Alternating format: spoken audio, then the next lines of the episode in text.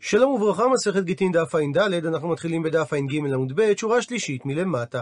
תנו רבנן, שנו רבותינו ברייתא שמרחיבה את דברי המשנה.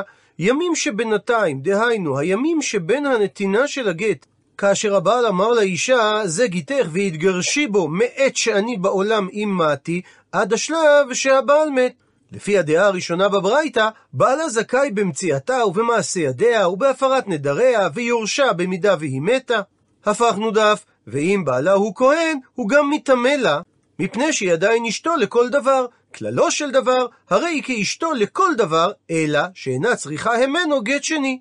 במידה והוא מת, שהרי משמעות דבריו מעת שאני בעולם, שסמוך למיתתו יחול הגט.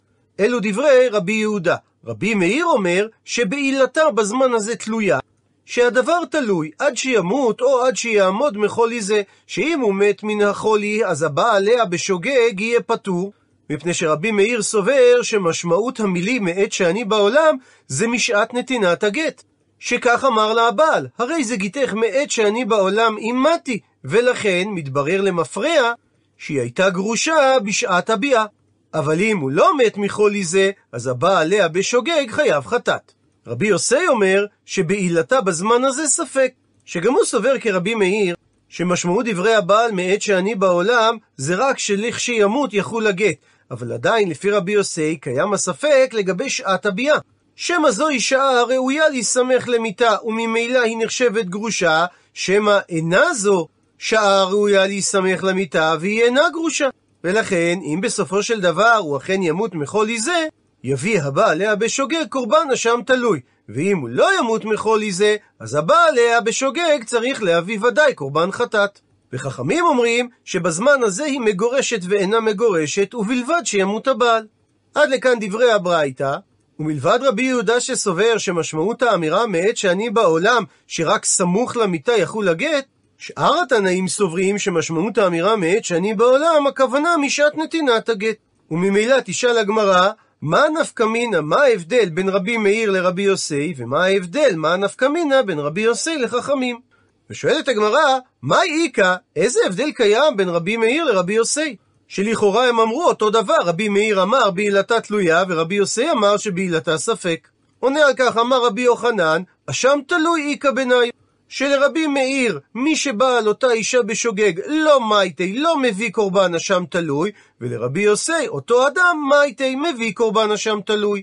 שלרבי מאיר, במידה וימות הבעל מחולי זה, אז מתברר למפרע שהיא הייתה גרושה.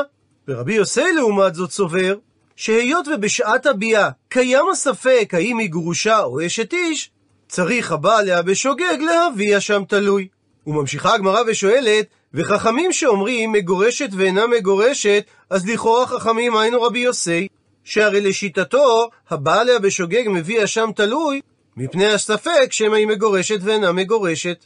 מתרצת הגמרא, איכא בניו, יש ביניהם את ההבדל דרבי זיירא, דאמר רבי זיירא, אמר רבא בר ירמיה, אמר שמואל, שכל מקום שאמרו חכמים את הביטוי מגורשת ואינה מגורשת, המשמעות הממונית היא שבעלה חייב במזונותיה.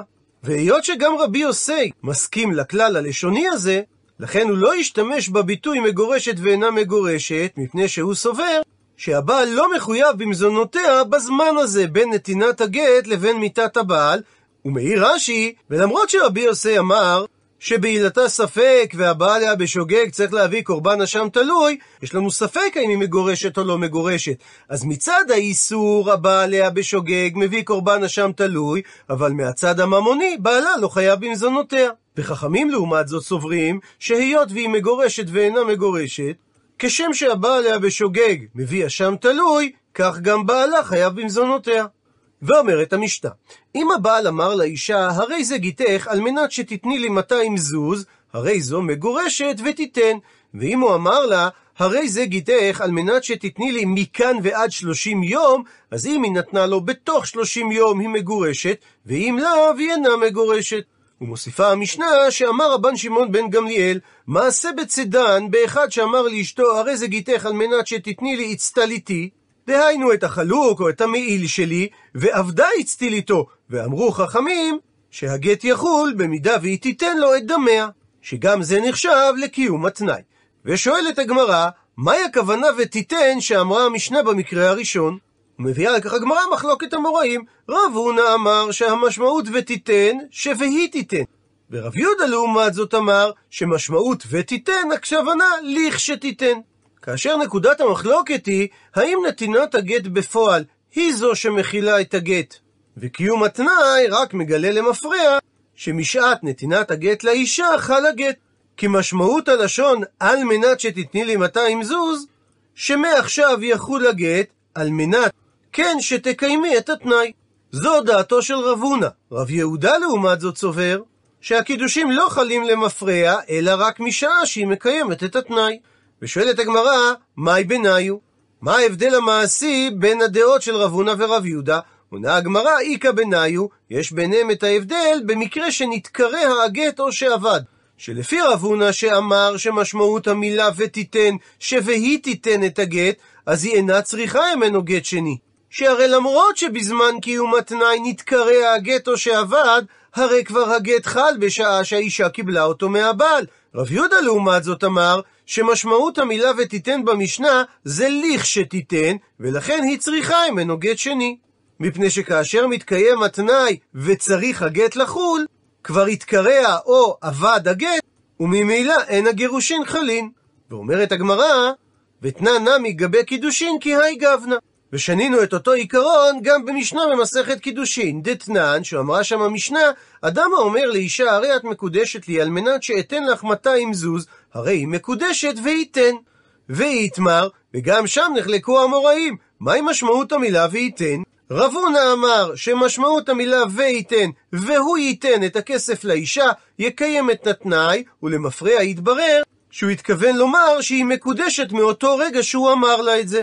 רב יהודה לעומת זאת אמר שמשמעות המילה וייתן זה לכשייתן, שרק לאחר שהוא ייתן לה את המאתיים זוז, אז היא מתקדשת לו. ושואלת הגמרא, מהי ביניו? מה ההבדל המעשי בין דעת רב הונא לדעת רב יהודה? עונה הגמרא, איכא ביניו, יש ביניהם את ההבדל במקרה שפשטה ידה וקיבלה קידושין מאחר, קודם שהראשון נתן לה את המאתיים זוז. שלפי רב הונא שאמר שמשמעות המילה וייתן במשנה והוא ייתן, הרי שהתנאי הוא תנא בעלמא הוא, והוא לא מגדיר את רגע חלות הקידושין, ולכן כאשר הבעל ייתן לה את המעות, הוא מקיים תנאי ואזיל. הוא הלך וקיים את תנאו, וממילא קידושיו קידושים למפרע, וקידושי השני אינם כלום. רב יהודה לעומת זאת שאמר שמשמעות המילה וייתן זה לכשייתן, שרק מרגע קיום התנאי יחולו הקידושין, אז לכי יאיב להו דאהבו קידושין, אבל השתא לא אהבו קידושין. רק ברגע שהראשון ייתן לה את הכסף יחולו הקידושין, וממילא, אם לפני כן היא פשטה ידה וקיבלה קידושין מאחר, היא מקודשת לשני. ונשאלת השאלה, מדוע חזרו רב הונא ורב יהודה ונחלקו באותה מחלוקת, פעם אחת בגירושין ופעם אחת בקידושין? עונה על כך הגמרא וצריכה. היה צורך לחזור על המחלוקת גם בקירושין וגם בקידושין. ומבארת הגמרא, דאי אשמועינן גבי קידושין. אם הם היו משמיעים לנו את מחלוקתם רק לגבי קידושין, אז הייתי סובר שבהכא אמר רב הונא שכוונת המשנה ייתן והוא ייתן. זאת אומרת שהתנאי לא מגדיר את רגע חלות הקידושין, ובמידה והוא יקיים את התנאי, יחולו הקידושים למפרע. והסיבה לדבר, משום דלקירוב הקאתי. שהרי הוא רוצה לקרב אותה אליו, ולכן מעכשיו הוא אומר לה שהיא מקודשת, שזה מהשעה שהוא חפץ בה. אבל אולי לגבי גירושין דלרחוקה קאתי, שמטרת הגירושין זה לרחק את האישה ממנו, אימה אולי נאמר שבמקרה כזה מודה לרב הונא לרב יהודה. שמסתמה בקושי הוא מגרש אותה, ולכן הייתי חושב לומר שמשמעות המילה וייתן זה לכשתיתן, שיחולו הגירושין רק כאשר הוא יקיים את התנאי, מפני שיש צד לומר שהבעל סובר שעד שהוא יקיים את התנאי, הוא יצליח לפייס את האישה. ולכן היה צריך להשמיע שרב הונא חולק גם במקרה של הגירושין, ומצד שני, ויש מעינן רק גבי גירושין שהם נחלקו, אז הייתי חושב לומר שבהכא אמר רב הונא שהמשמעות של וייתן זה שוהי תיתן, שכאשר היא תקיים את התנאי יחולו הגירושים למפרע, משום דלא כסיף למטבע. שהבעל לא מתבייש לתבוע ממנה את קיום התנאי ושהיא תשלם לו את מעותיו, והיות שכך, הוא לא צריך לתלות את מתן הגט במתן המעות. אז משמעות דבריו, שלכשהיא תיתן לו את המעות, היא תהיה מגורשת כבר מרגע נתינת הגט. אבל לגבי קידושין, דקסיפא למיתבי, שהאישה בושה לתבוע ממנו את מעותיו, אימה, אז אולי נאמר, שמודי לרב הונא לרב יהודה, שמשמעות המילה וייתן, זה לכשתיתן. מכיוון שהאישה יודעת שהיא תתבייש לתבוע את מעותיה, אז היא רוצה לתלות את קיום התנאי בחלות הקידושין, ולא לפני כן.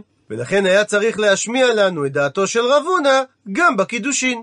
עד לכאן הסבירה הגמרא את הצורך להסביר מדוע רב הונא אמר את דעתו גם בגירושין וגם בקידושין, ועכשיו תסביר הגמרא את הצורך גם בדעתו של רב יהודה. ואי אשמעינן את דעתו של רב יהודה גבי קידושין, אז הייתי סובר לומר שבהכא אמר רב יהודה שמשמעות המילה וייתן במשנה הכוונה לכשייתן, שרק מרגע קיום התנאי יחולו הקידושין, משום דקסיפא למיתבי, שהרי האישה יודעת שהיא תתבייש לתבוע את הכסף מהבעל, ולכן היא מראש אומרת, אני לא מוכנה שהקידושים יחולו לפני שתקיים את התנאי. אבל גבי גירושין דלא כסיף למיתבעה, ששם לא קיים החשש שהבעל יתבייש לתבוע ממנה את מעותיו, אימה מודי ל... אולי נאמר שבמקרה כזה מודה רב יהודה לרב הונא שכאשר האישה תשלם את הכסף יתקיים התנאי ויחולו הגירושים למפרע משעת נתינת הגט. לכן היה צריך להשמיע את דעתו של רב יהודה גם לגבי גירושין. ויהיה השמיעינן, ואם היינו אומרים את דעתו של רב יהודה רק לגבי גירושין, אז היינו סוברים לומר שבהכא אמר רב יהודה שמשמעות המילה וייתן זה לכשתיתן, שרק מרגע קיום התנאי יחולו הגירושין, משום דלרחוקה קאתי. שהרי מטרת נתינת הגט זה לרחק את האישה ממנו, ויש צד לומר שהבעל רוצה להרוויח זמן, ולכן הוא רוצה שהגט יחול רק כאשר הוא יקיים את התנאי, כדי שאולי יצליח לפייס אותה שלא תתגרש ממנו. אבל גבי קידושין דלקירובה קאתי, שכל מטרת הקידושין זה לקרב אותה אליו, אימה מודלי, אולי נאמר שרב יהודה הוא מודה לרב הונא, שמשמעות המילה וייתן שיחולו הקידושין ברגע אמירת הקידושין, והקיום תנאי רק יקיים אותם למפרע. לכן צריכה לומר שרב יהודה נחלק גם לגבי קידושין. מקשה הגמרא מאיתי וקושייה ממקור תנאי על דברי רב יהודה, שאמרה התוספתא, הבעל שאמר לאישה, הרי זה גיתך על מנת שתתני לי 200 זוז, אז אף על פי שנקרא הגט או שנאבד, היא מגורשת, ולאחר היא לא תינשא, עד שתיתן את המעות לבעל. מפני שקיים החשש, שאם היא לא תיתן את המעות לבעל, הרי היא לא קיימה את התנאי ונמצא הגט בטל. וזה סותר את דעתו של רב יהודה, שלדבריו אין הגט חל עד שהיא תקיים את התנאי. ועוד תניא, ועוד קשה על רב יהודה מהמשך התוספתא, שהבעל שאמר לאישה, הרי זה גיתך על מנת שתתני לי 200 זוז, ומת, ולא היו להם ילדים ויש לו אח, אם היא נתנה את המעות לפני מותו, היא אינה זקוקה ליבם, אבל אם היא לא נתנה את המעות לפני מותו, היא זקוקה ליבם. רבן שמעון בן גמליאל חולק ואומר, שגם אם היא לא הספיקה לתת לו את המעות לפני שהוא מת, היא יכולה לקיים את התנאי על ידי שהיא נותנת את המעות לפי הסדר של האנשים שיורשים את בעלה. לאביו, ואם אביו מת או לאחיו, ואם אחיו מת, או לאחד מן הקרובים. ועל ידי כך היא מקיימת את התנאי, והיא לא תהיה זקוקה ליבם. עד כאן לשון התוספתא, ומקשה הגמרא. עד כאן לא פליגי. עד כאן לא נחלקו חכמים ורבן שמעון בן גמליאל, אלא דמר סבר. שזו דעת חכמים שכאשר הבעל אמר על מנת שתתני לי, הוא התכוון לי ולא ליורשי, ולכן אם היא לא הספיקה לתת לו את המעות, היא זקוקה ליבם, ומר סבר, שזה דעת רשב"ג, שכאשר הבעל אמר על מנת שתתני לי, הוא התכוון לי ואפילו ליורשי. שמשמעות דבריו, שאפילו ליורשים תוכלי לתת את הכסף, אם לא תוכלי לתת את הכסף לי. מה שאומר, דכולי עלמא מיה תנאה ו... שעל כל פנים לדעת כולם, בין לחכמים בין לרבן שמעון בן גמליאל, מה שאמר הבעל על מנת שתתני לי 200 זוז, זה תנאי בעלמא שהגט לא תלוי בשעת מתן המעות. כי אם משמעות הלשון הייתה כדברי רב יהודה, לכשתיתן, אז כיצד ניתן להסביר שהיא מקיימת את התנאי וזה גט כאשר היא נותנת את הכסף ליורשים? שהרי אין גט לאחר מיתה. ומכוח שתי השאלות הללו אומרת הגמרא, טיובתא דרב יהודה, יש כאן דחייה חזקה על דברי רב יהודה. עונה על כך, אמר לך רב יהודה, המאני, התוספתא כשיטת מי היא? כשיטת רבי היא. דאמר רב הונא אמר רבי, שכל האומר בנוסח התנאי את המילים על מנת, משמעות הדבר כאומר מעכשיו דמי. כך שהוא בעצם אמר לה, מעכשיו יהא גט על מנת שתקיימי את התנאי. ופליגי רבנן עלי, וחכמים חלקו על רבי. ואמרו שגם מי שאמר את הניסוח על מנת בתנאי, הוא לא התכוון לומר שמעכשיו יחול הגט, ואנא דאמרי כרבנן. ואומר רב יהודה, אני אומר את דעתי כשיטת חכמים. ולכן לא קשה עליי את הקושיות מהתוספתא, שהרי לשיטת חכמים, למרות שהבעל אמר את הביטוי על מנת, אין הכוונה שיחול הקניין מעכשיו. ומביאה עכשיו הגמרא את דברי רב זיירא, ובסופם היא תקשה על דברי רב יהודה, שאמר רב זיירא, כי אבינן בבבל, כאשר הייתי בבבל, אמרינן שהדה אמר רב אמר רבי, כל האומר על מנת כאומר מעכשיו דמי, אכן פליגי רבנן עלי, חלקו עליו חכמים, כפי שהסביר רב יהודה, אבל כי סליקה כאשר עשיתי עלייה לארץ, אשכחתי לרבי אסי, מצאתי את רבי אסי, דייתי וכאמר, שהוא היה יושב ושונה משמי דרבי יוחנן, שהכל מודים, דהיינו, גם רבי וגם החכמים. ואומר הבעל ניסוח של על מנת, שזה כאומר מעכשיו דם. והם לא נחלקו, אלא במציאות שנקט הבעל את הניסוח מהיום ולאחר מיתה. שחכמים הסתפקו, האם כאשר הוא אמר ולאחר מיתה זה המשך של התנאי, או שאולי זה חזרה מכוונתו הראשונה שהוא אמר שזה יחול מהיום. ולכן לשיטת חכמים הגט פסול, מה שאין כן לרבי, שוודאי הבעל התכוון לתנאי, ואם יתקיים התנאי, הגט כשר למפרע מרגע נתינתו. הפכנו דף, ומביאה הגמרא סייעתא להסברו של רבי יוחנן, והתניא, שכך שנינו בברייתא. שבמקרה שהבעל התנה מהיום ולאחר מיתה, הדין שזה גט ואינו גט לדברי חכמים, ורבי לעומת זאת חולק ואומר, כזה גט. עד לכאן לשון הברייתא, ומוכיחה הגמרא שזו סייעתא לדברי רבי יוחנן, שהרי ולרב יהודה דאמר, שחכמים ורבי בעל מנת פליגי, שהם נחלקו גם כאשר הבעל התנסח בתנאי בלשון של על מנת, אז עד דמיפלגי במהיום ולאחר מיתה, ליפלגי בעל מנת. מדוע נחלקו חכמים ורבי בברייתא במקרה שהבעל התנה מהיום ולאחר מיתה? עדיף היה לפי הסברו של רב יהודה להשמיע לנו שהם נחלקו במקרה שהבעל אמר על מנת, שאפילו בניסוח כזה פוסלים רבנן את הגט. ולבד הייתי מבין שרבנן יפסלו את הגט בניסוח של מהיום ולאחר מיתה. ומזה שנקטה הברייתא שהמחלוקת היא במקרה שהבעל התנסח מהיום ולאחר מיתה, משמע שלא כהסברו של רב יהודה, שהם לא נחלקו בניסוח של אלמנת. מתרץ על כך רב יהודה, שהסיבה שאמרה הברייתא שהם נחלקו בניסוח של מהיום ולאחר מיתה, זה כדי להודיעך כוחו דרבי. שהקל ואמר שהבעל התכוון לתנאי, ולא חשש כחכמים, שאולי הבעל חזר בו. מקשה על כך הגמרא, וליפלגו בניסוח של על מנת, כדי ולהודיעך כוחן דרבנן, שאפילו כאשר הבעל אמר את התנאי בניסוח של על מנת, פסלו חכמים את הגט. והיתרון, כפי שאמרנו, שעל הדרך אנחנו יכולים להבין שחכמים פוסלים גם את הניסוח של מהיום ולאחר מיתה. מתרצת הגמרא, כוח דהתרא עדיף לי. כפי שמסביר רש"י במסכת ביצה, שטוב לתנא להשמיענו את כוח דברי המתיר, מפני שהוא סומך על שמועתו ואינו ירא להתיר. מה שאין כן, כוח האוסרים אינה ראיה, שהרי הכל יכולים להחמיר, אפילו בדבר המותר. ציטוט מהמשנה, על מנת שתתני לי מכאן ועד שלושים יום. שאם נתנה לו בתוך שלושים יום מגורשת, ואם לאחר שלושים יום אינה מגורשת. שואלת על כך הגמרא, פשיטא. ברור שאם היא לא קיימה את התנאי, היא לא תהיה מגורשת. מה באה המשנה לחדש? מבארת הגמרא, מהו דתימה? מה היית חושב לומר שאולי קפידי לאו קפידה ולזרזה קאתי? אולי הבעל באמת לא התכוון להקפיד שהיא תשלם לו את הכסף בתוך 30 יום, והוא נקט עד 30 יום רק כדי לזרז אותה בדבר.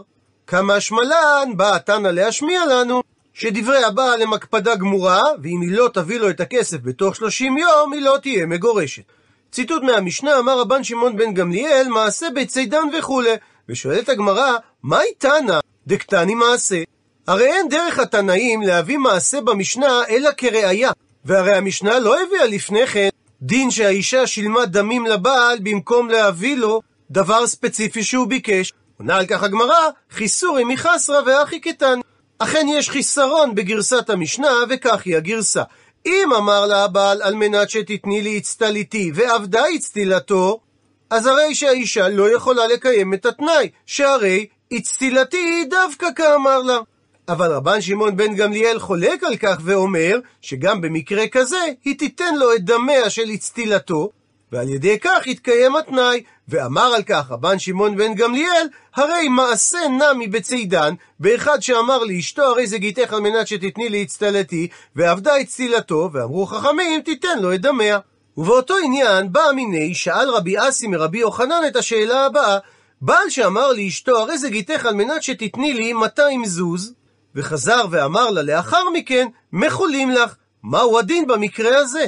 האם מחילת הבעל על המעות נחשבת כקיום התנאי כאילו היא נתנה לו את המעות או שלא? ואומר רבי אסי שהשאלה תיבאי לרבנן ותיבאי לרשב"ן. היא יכולה להישאל בין לשיטת חכמים בין לשיטת רבן שמעון בן גמליאל ומבאר רבי אסי תיבאי לרבנן השאלה נשאלת לשיטת רבנן שאמרו במשנה שהאישה לא יכולה לקיים את התנאי על ידי נתינת דמים במקום לתת לבעל את אצטליתו, מפני שעד כאן לא כאמרי רבנן האטם. מה שאמרו חכמים שם במשנה, שנתינת הדמים לא מהווה קיום תנאי, אלא אולי זה רק בגלל דלא אח לגבה. שהבעל לא מחל על הדרישה שלו שהיא תיתן לו את האצטלית שלו. אבל הכא הכא אמר לה מחולים לך. אבל בשאלתו של רבי אסי, הבעל במפורש מחל על נתינת המעות, אז אולי זה נחשב כאילו הוא קיבל את המעות ממש, כי מחילה נחשבת כקבלה.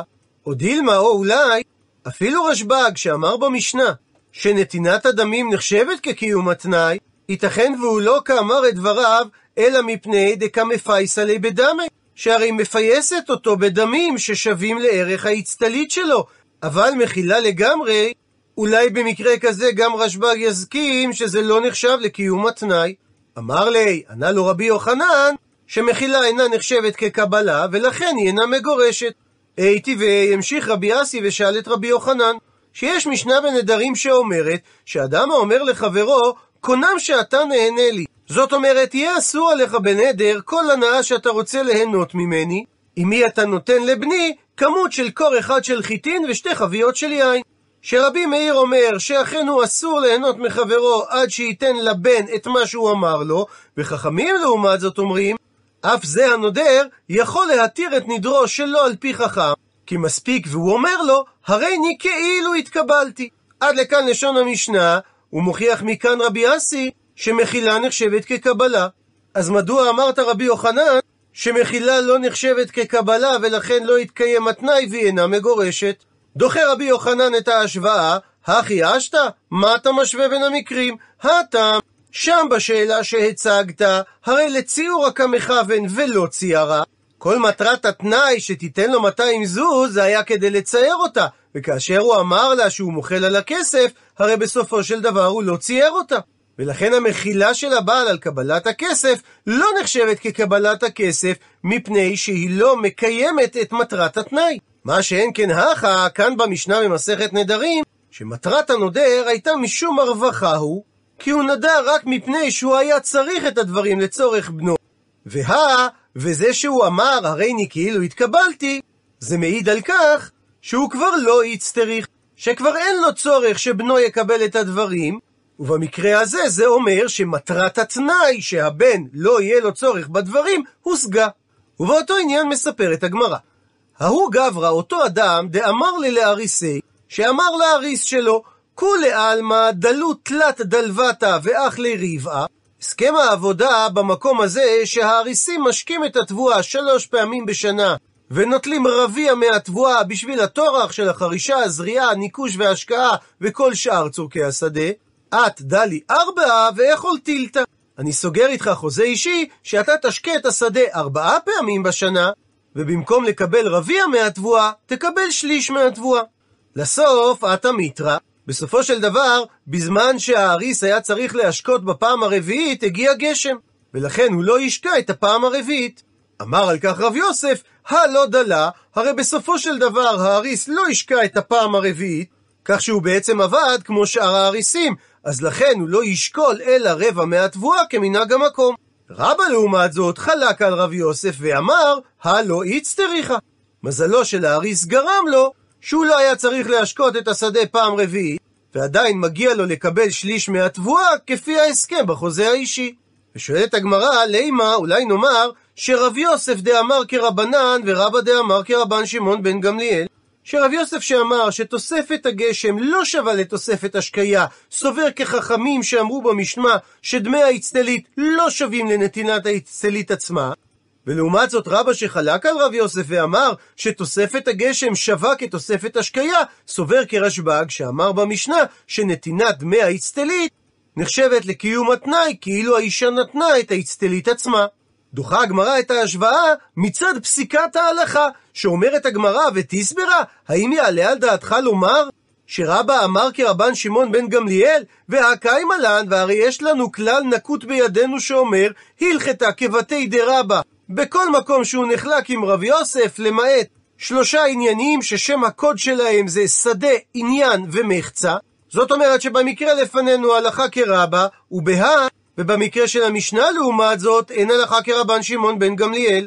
על פי דברי הגמרא בדף ע"ה, שבכל מקום הלכה כרשב"ג, למעט שלושה מקרים, מערב וצידן וראיה אחרונה, שאחד מהמקרים הללו זה בדיוק המשנה שלנו. אז לא ייתכן להעמיד שרבא אמר כרבן שמעון בן גמליאל. אלא אומרת הגמרא, לעולם גם רב יוסף וגם רבא סוברים כרבנן. כאשר רב יוסף ברור שהוא סובר כרבנן, שכשם שתוספת הגשם אינה נחשבת כתוספת השקיה, כך גם דמי האצטלית לא שווים כנתינת האצטלית עצמה. ורבא אמר לך, אנא דאמרי אפילו לרבנן. דבריי מסתדרים אפילו לשיטת חכמים, מפני שעד כאן לא כאמרי רבנן הטעם.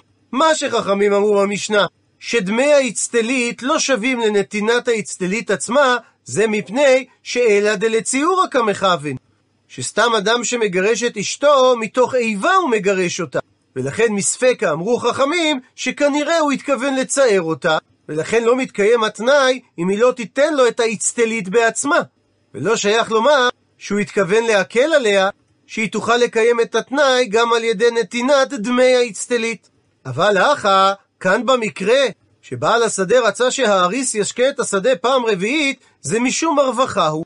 דרישת בעל השדה מהאריס נועדה לצורך הרווחה שרצה בעל השדה להרוויח, ולא היה לו עניין לצער את האריס, והא לא יצטריך, ובסופו של דבר ירד גשם, והוא לא יצטרך להשקיה הרביעית. אז במקרה כזה גם חכמים יודו שירידת הגשם בעצם מילאה את מטרת התנאי, וממילא זכאי האריס לקבל שליש בתבואה. עד לכאן דף ע"ד.